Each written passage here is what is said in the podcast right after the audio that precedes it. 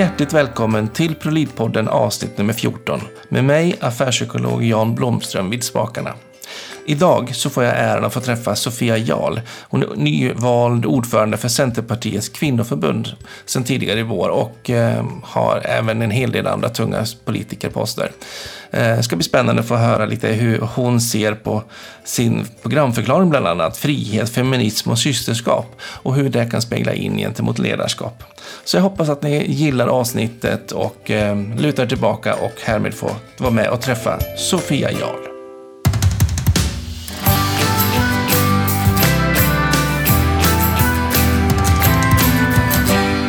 Hjärtligt välkommen Sofia Jarl till Prolidpodden. Mm. Tack så mycket. Och vem är du?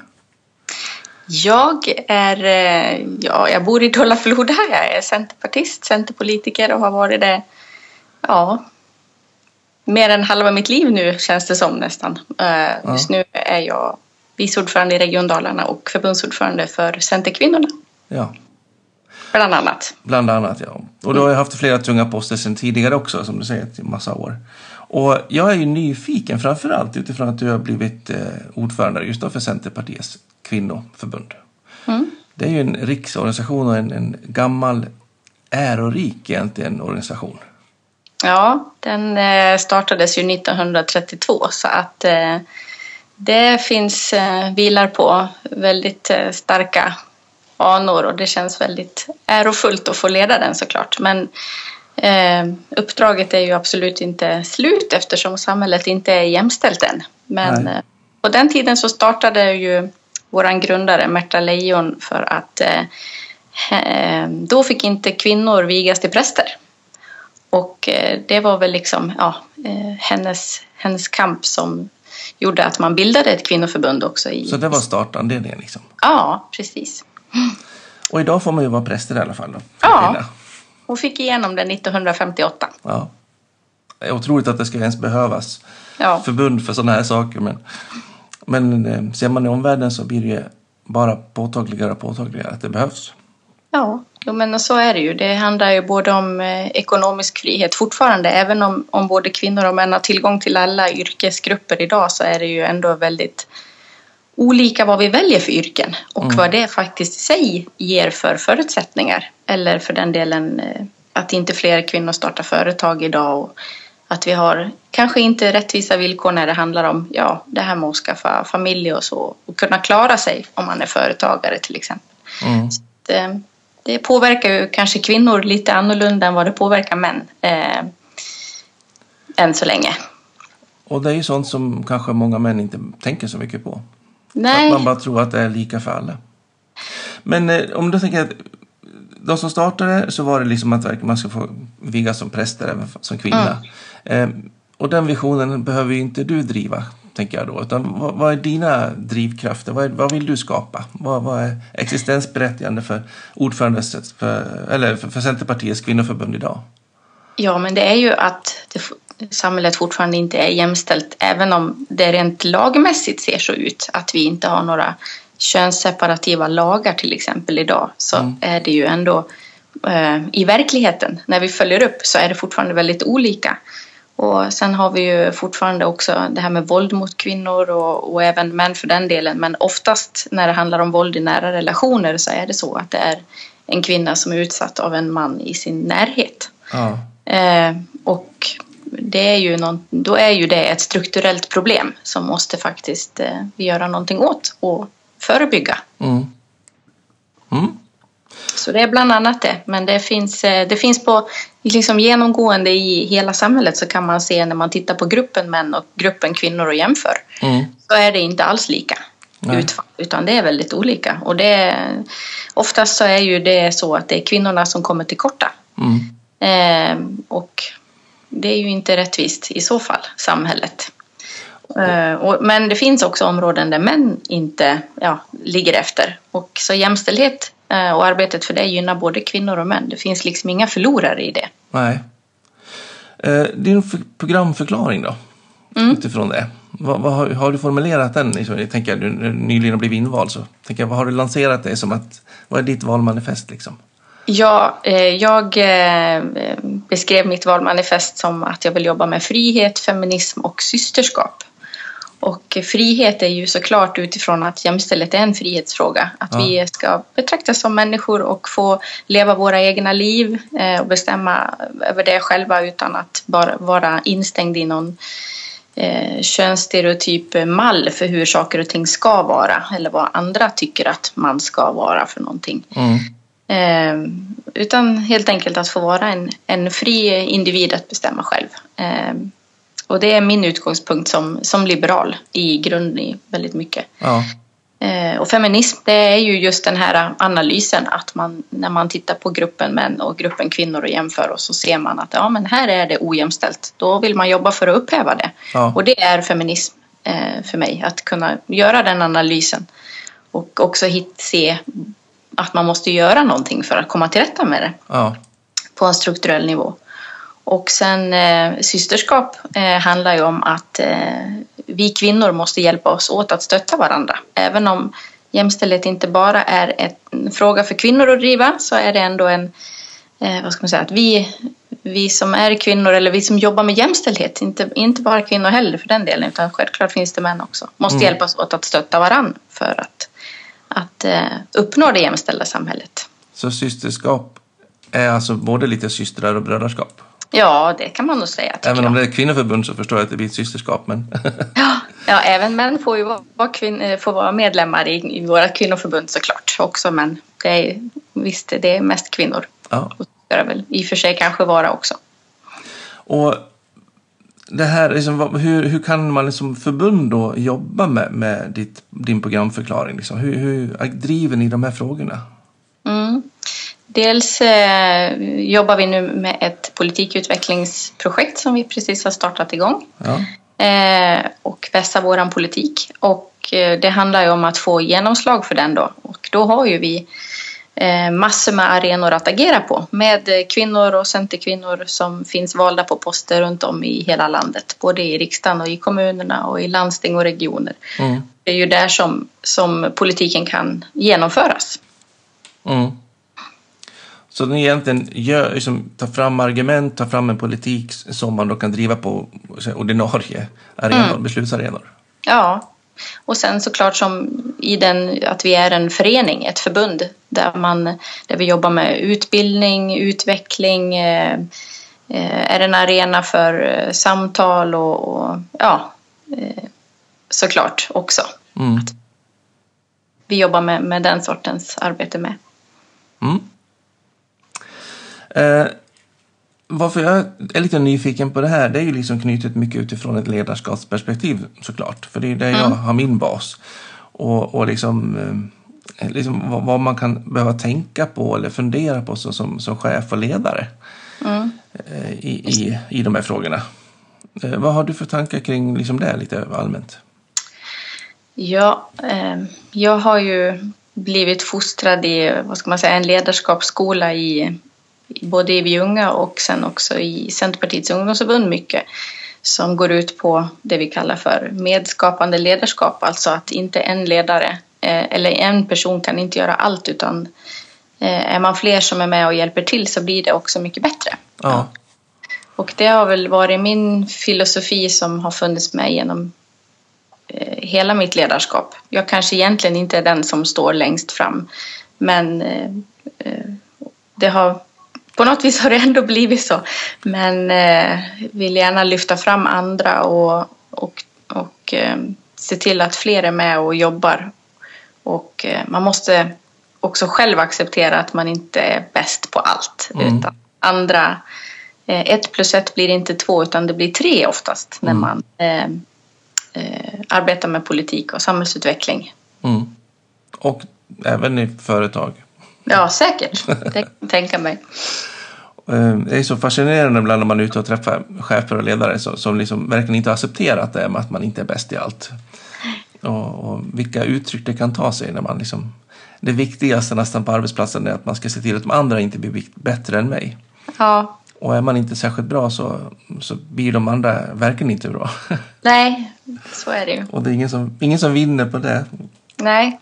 Varken chefen eller medarbetarna eller verksamheten. Nej, Så är det. Eh, men eh, ett medskapande ledarskap där man hjälps åt och liksom verkligen liksom jobbar mot gemensamma mål då tänker jag, för det blir viktigt med tydliga målbilderna kring det. Men, mm. men hur kommer då ditt, din programförklaring in i det, tänker jag? Hur, hur, hur, kan man dra för nytta av det som ledare och tänka utifrån de här frågorna som du driver?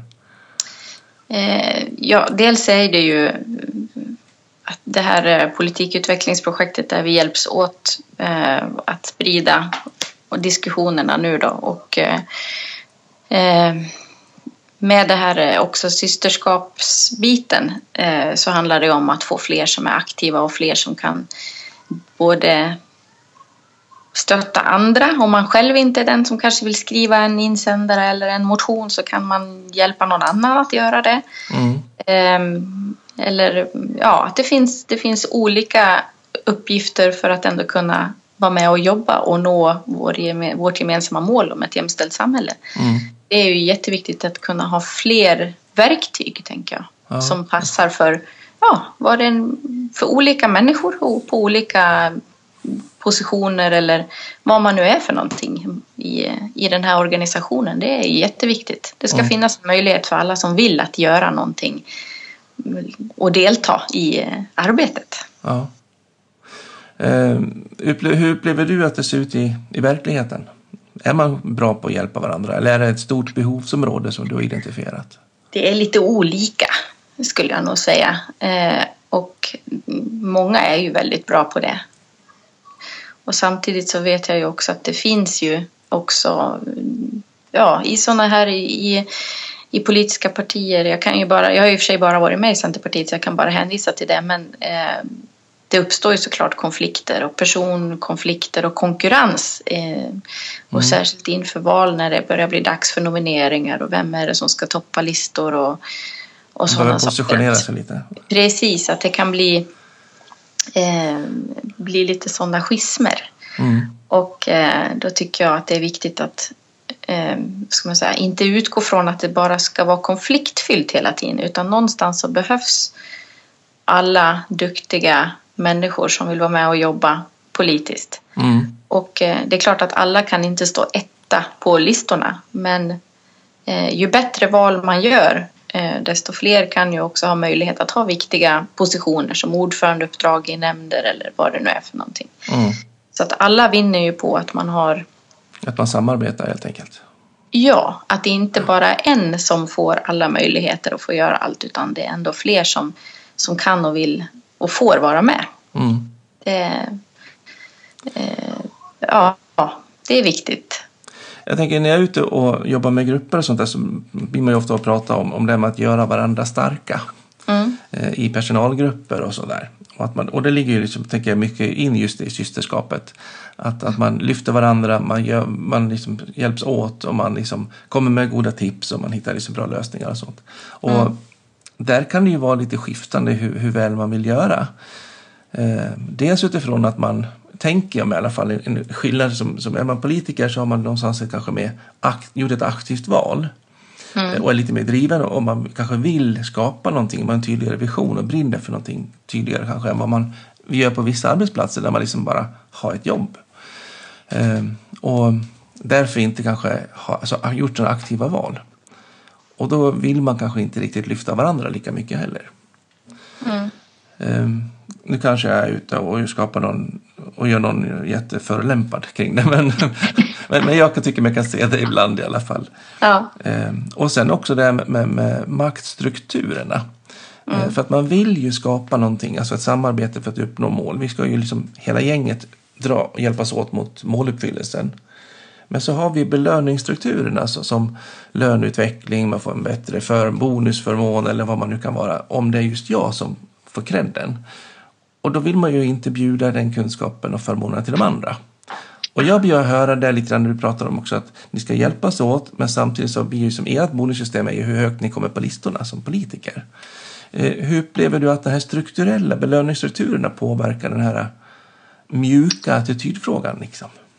Eh, ja, eh, det, vi har ju liksom inga sådana bonusar eller man kan inte få löneförhöjning för att man men ni kommer högre som- på listan, liksom. det är era bonus tänker jag. Ja, den som alltid fixar kaffet till mötet liksom. Eh, Det, ehm, men visst, någonstans är det väl också... ehm, man kanske inte kan... Ja, vad ska jag säga? Det finns... Det viktiga är ju att man har duktiga politiker som vill någonting. Som, som man också tror kan, kan förmedla det till andra. Mm. Eh, och ibland så kan det vara en person som inte är medlem i partiet som man behöver rekrytera. Mm. Och eh, då kan man ju inte begära att den ska ha kokat kaffe på alla möten innan till exempel. Mm. Eh, Det här är en attityd som jag tror fortfarande kanske finns på en del ställen men, men som jag känner ändå att vi är nog på väg bort ifrån. Att man ska ha liksom gjort en massa hemläxor inom organisatoriskt inom, inom Centerkvinnorna för att få förtroendeuppdrag. Ja. Ehm, Så det är några termosar innan man får bli utvald. Ja, fast så, ja, så har det- det nog varit mer. Men, men eh, det där är ju någonting som... eh, Det, behöver, det betyder ju inte precis som bara för att man är läkare så kanske man inte är en duktig chef. Bara för att man är den som alltid har fixat med utbildningarna eller vad det är. Kanske inte det betyder att man är den som är den bästa eh, kommunalrådet. Nej. Det kan vara ehm, andra saker någonstans också. Mm. Eh, Jag tänker också Annars- när friheten kommer in. mm, Att man, man är fri att få, få vara den kompetensen man har. ja. Att man inte bara blir rekryterad utifrån vad andra tillskriver mig för lojalitetspoäng. Liksom, utan att man faktiskt ser på vad behöver jag eh, kunna på den posten. Är inte det också en variant av frihet?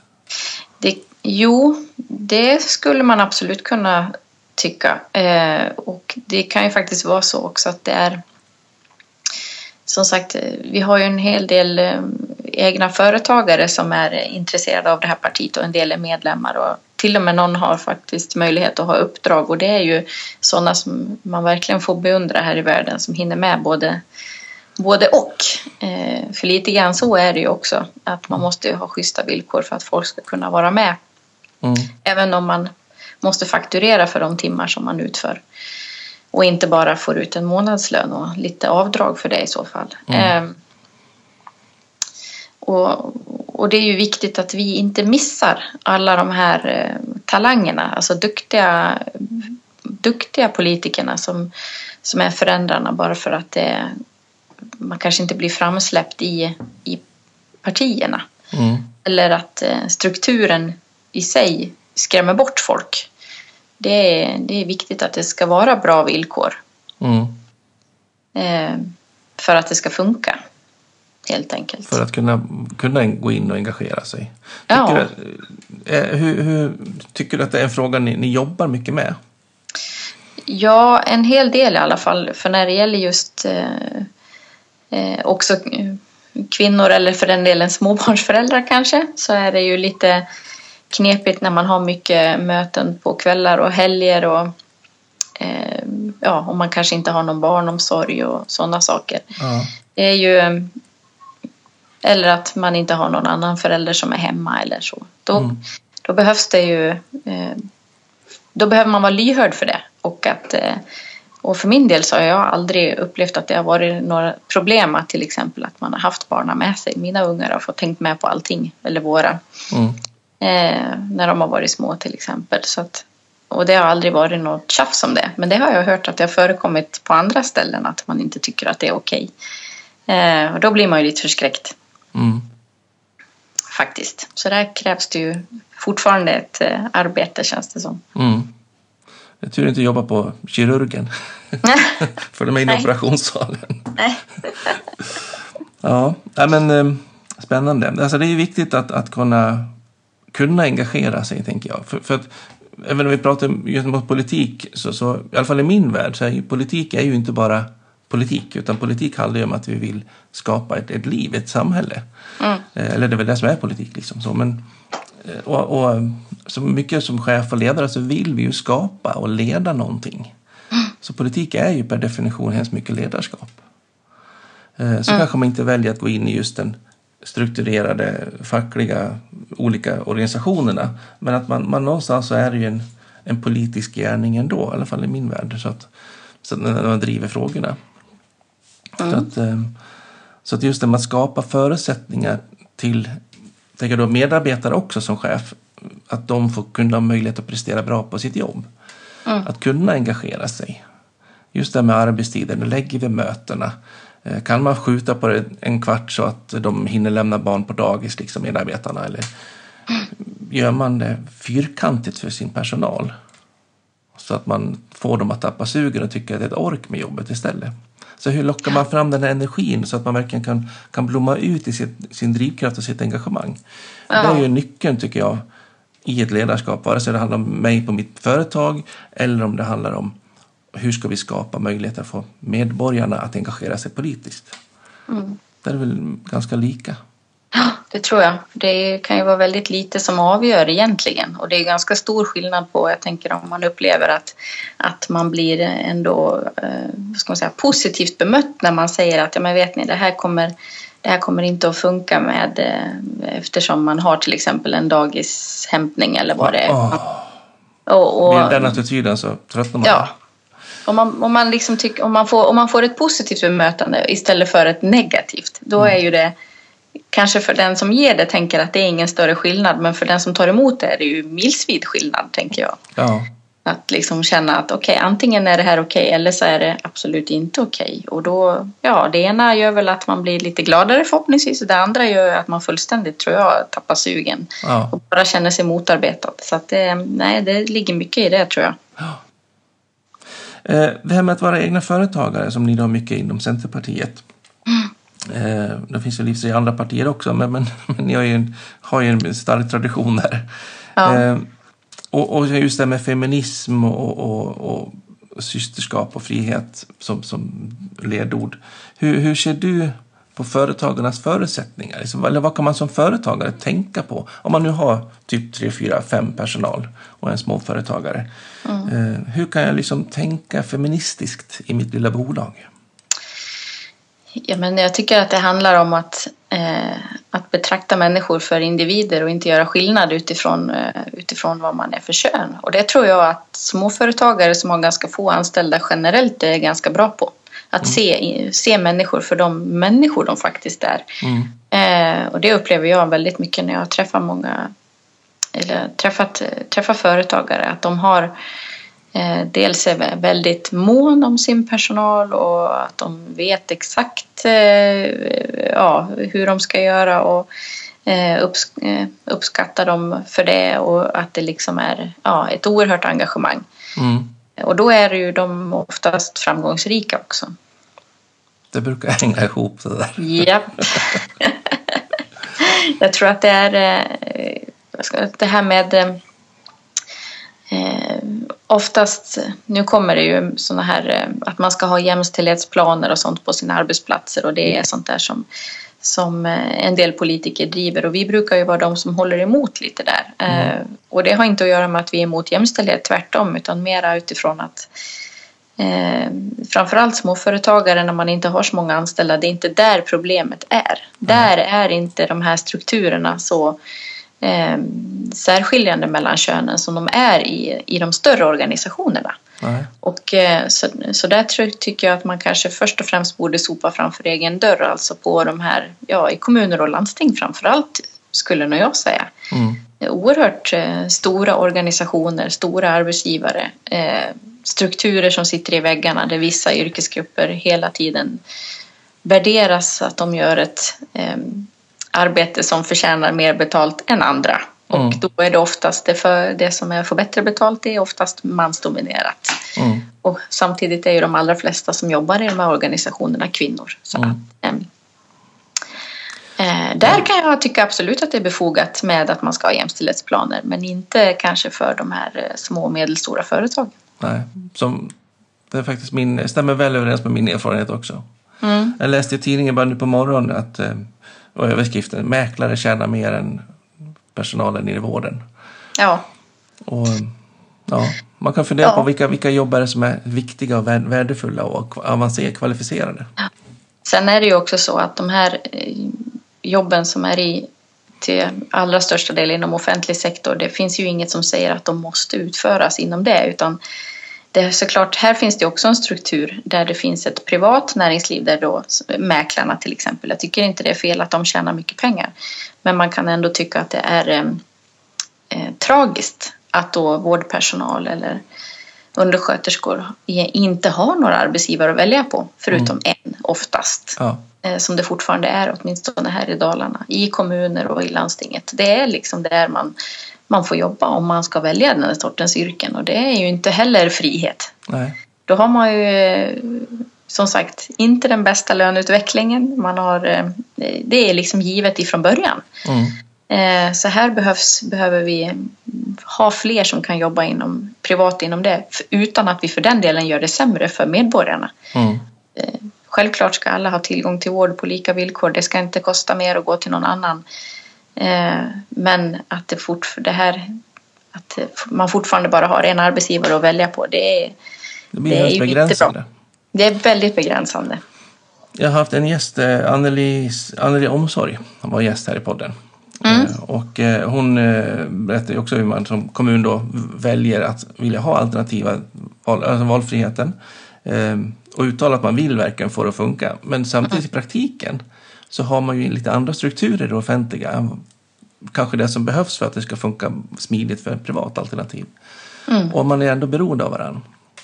Och det där känner jag igen sen, sen jag själv drev vårdföretag en gång i tiden hur man liksom, och det var väl kanske före sin tid i och för sig, men, men ändå där man liksom vart ganska motarbetad och det var inte så lätt att få bra förutsättningar. Utan man var alltid det här privata alternativet som folk rynkar på näsan åt. Mm.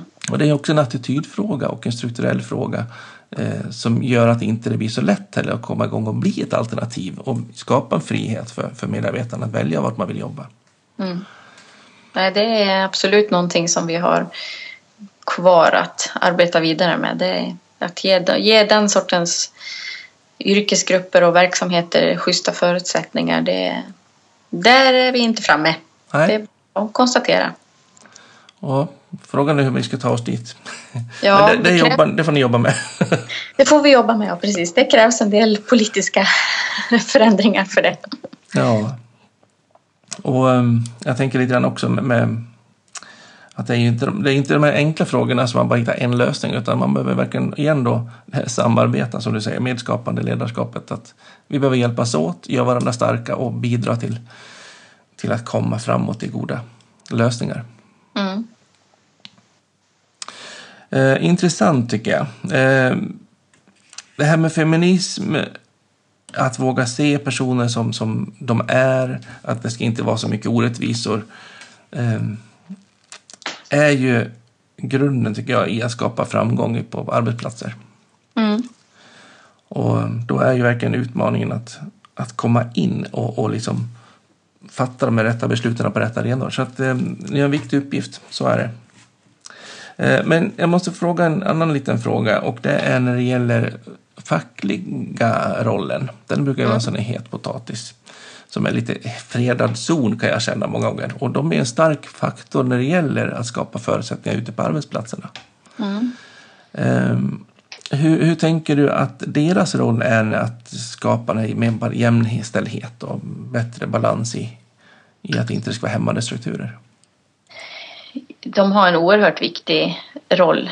Eh, både lokalt men också centralt. Nu har ju jag mest umgåtts med fackföreningar på det sättet. Alltså mina erfarenheter är dels som, som kommunalråd och kommunpolitiker där, där, vi, där vi har eh, goda relationer med eh, fackförbunden som, ja, och på det viset kunna ha liksom en bra, eh, ett, ett gott samarbete som gynnar hela kommunen i, i Gagnef till exempel. Mm.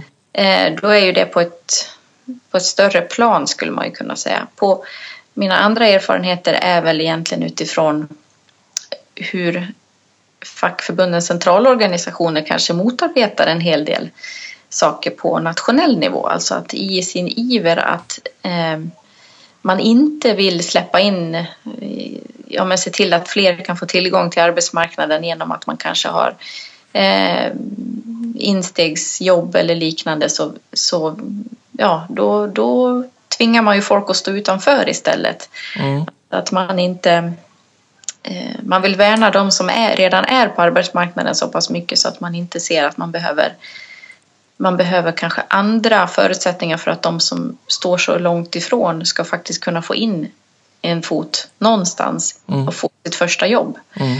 Eh, de är ju inte så positiva då. De andra var ju väl mer positiva. Mm. Och min tredje erfarenhet är väl i, när jag träffar eh, företagare, småföretagare mest som eh, jag har lite olika erfarenheter av hur de blir eh, hur, vad de upplever att, att fackföreningarnas representanter har för attityd mm. eh, mot deras företagande och ja, vilket engagemang och sådär. Mm. Eh, de erfarenheterna verkar vara väldigt olika och blandade. Ibland är de väldigt hämmande för företagets utveckling och ibland är de eh, bra. De här lite större företagen som jag träffat är ju precis som kommunen väldigt måna om att, att vårda kontakterna med mm. fackförbunden.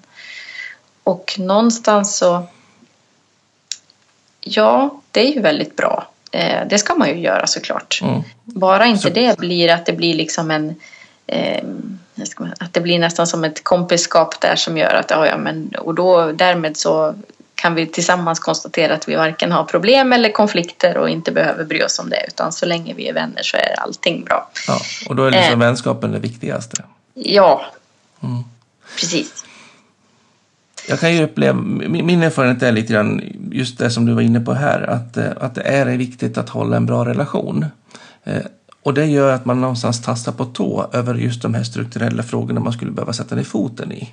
Mm. Eh, att fackliga organisationer och arbetsgivarorganisationer är otroligt viktiga samarbetspartners, men på varsin sida av, av bordet. Man får inte vara för mycket kompisar, som jag ser det i alla fall. Mm. Man, man liksom är där för att bevaka lite olika frågor, eller perspektiv på frågorna. Och eh, då behöver, ska man liksom skapa bättre förutsättningar för kvinnor, för, för, för liksom småbarnsföräldrar eller vad det nu kan vara. Så då, då behöver man ju våga utmana lite givna sanningar. Mm. Och eh, vi sitter ju fast i många gamla strukturer och det där kan jag se liksom att fackens goda vilja, alltså, som nästan aldrig är ifrågasättningsbar, för den är alltid, den, de vill ju gott liksom. Eh, arbetsgivarna vill också ganska gott, men deras samarbete blir att det blir någonstans ett vakuum eller man liksom tassar på tå. Och då mm. hämmar liksom det. Det som vi bägge parterna egentligen vill få till. Och um, man måste, en, liten, en liten kris per, per dag och sen psykbryt om dagen och sen komma vidare. Liksom. Så allt är bra. ja, precis. Nej, alltså jag tror att det också väldigt mycket handlar om vad man har för inställning till sitt uppdrag ifrån båda håll. Om det verkligen är så att man vill utveckla saker eller vill man bara förvalta och mm. vara liksom, ja, hålla god ton och nu liksom, ja som sagt det här kompiskapet är det viktiga och då lugnet liksom i sig att det är det som är mm. framgången.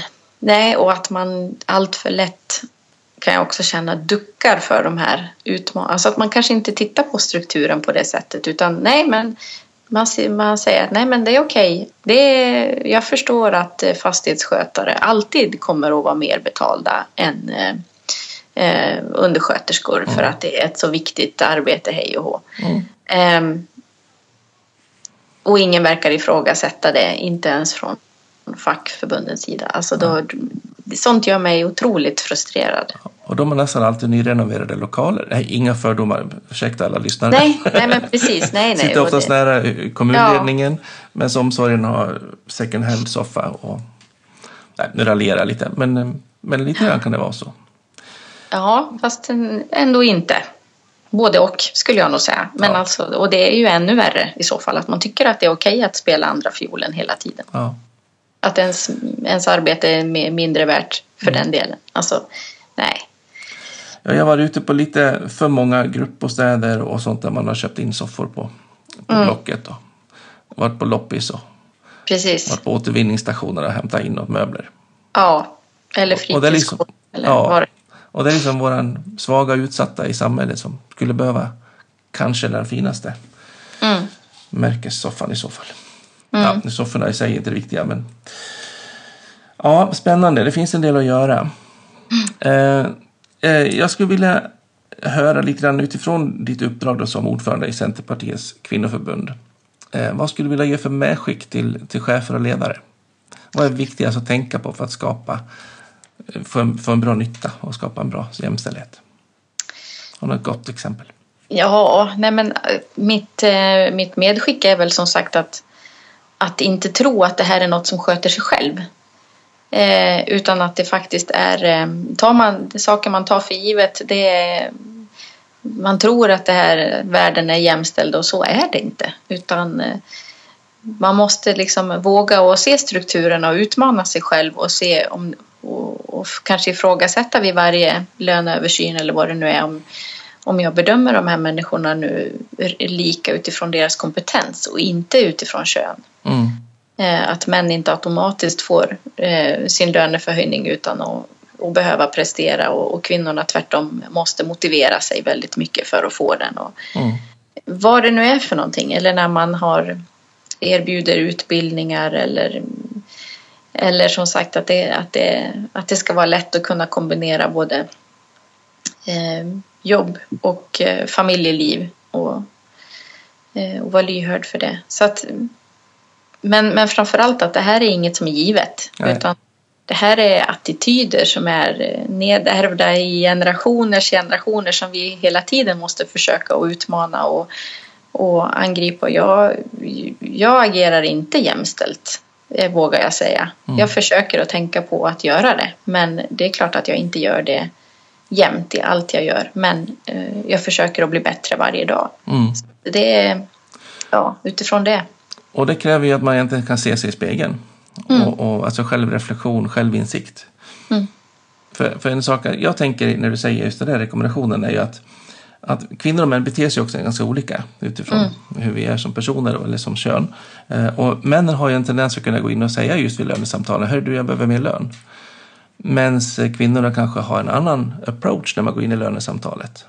Där man liksom säger, vad tycker du att jag är värd? Eller inte ska väl jag ha så mycket? Eller, även om de kanske tycker att de ska ha mer lön så är man inte, har man inte de orden i sitt Nej. sätt att kommunicera. För man kommunicerar på ett annat sätt. Och hur är jag då som chef? Går jag rakt i den där fällan och ger högre lön till den som sätter lite högre krav? Eller kompenserar jag för det? Precis. Och där är tänker jag, viktigt att liksom ha koll på vad, hur, hur agerar jag i de här situationerna som är ganska så relativt kända ändå, hur vi fungerar som män och kvinnor. Eller stadsbo, landsortsbo eller vad det nu kan vara. Ja. Men att balansera upp det. Oerhört spännande. Eh, hörru du, eh, om man vill veta mer om, om dig och sånt, var får man tag på dig någonstans? Ja, det får man tag på via e-posten till exempel. sofia.jarl.centerpartiet.se Eller eh, så kan man eh, ringa eller eh, ja, titta på den här podden kanske. Eller inte Ja. vet jag.